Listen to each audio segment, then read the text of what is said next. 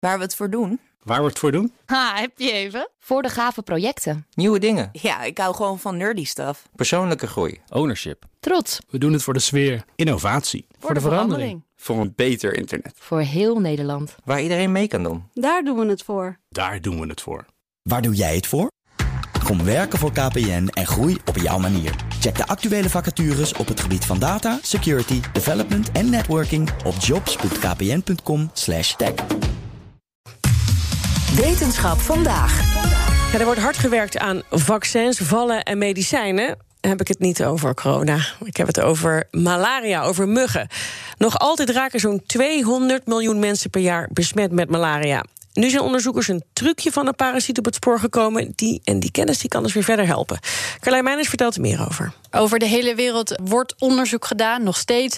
Ook in Nederland houden wetenschappers zich er veel mee bezig. Zo is er bijvoorbeeld aan de Radboud Universiteit ooit al ontdekt dat een trucje van ons eigen immuunsysteem kan voorkomen dat de parasiet, als we eenmaal besmet zijn, weer aan de volgende mug en daarmee ook de volgende persoon wordt gegeven. Vooral fijn voor andere mensen. Eh, ja, dat eh, klopt. Eh, in Delft en Wageningen, daar hebben ze samen eh, nog een slimme val ontwikkeld, waarmee het aantal muggen in ieder geval minder wordt.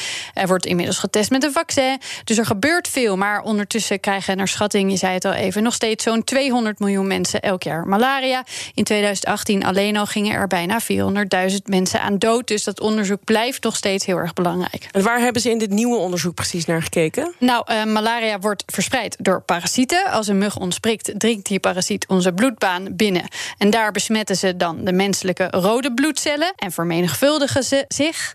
De meeste besmettingen vinden plaats in de natte maanden van het jaar. In delen van West-Afrika is dit ongeveer van juli tot december. Dat is ook wel logisch, want in dat seizoen zijn er gewoon uh, de meeste muggen. En verspreidt de ziekte zich daardoor ook een stuk makkelijker. Maar hoe kan het dan dat ze elk jaar met zoveel terugkomen als er een heleboel droge maanden zijn met veel minder muggen? Wat doen die parasieten dan eigenlijk om dat te overleven? Dat wisten we dus nog helemaal niet? Nee, nee uh, maar nu dus wel. Dankzij het onderzoek van Sylvia Portugal van de Heidelberg Universiteit in Duitsland. Samen met haar collega's ontdekte zij dat de parasiet op zijn genen tot expressie komen verandert, zodat hij ongedetecteerd kan blijven rondhangen in onze bloedbaan. Uh, hij houdt zijn aantallen heel laag, zodat niemand uh, symptomen krijgt. Wordt het weer buiten weer heel erg nat, dan gaat hij weer terug in volle aanvalsmodus. Hoe kwamen ze hier dan achter? Ze volgden voor dit onderzoek 600 mensen in Mali in 2017 en 2018. In de regenseizoenen in deze jaren zagen ze meer dan 300, bijna 400 besmettingen. En in de zomermaanden waren dat maar 12 en 5. Dat is nogal een groot verschil.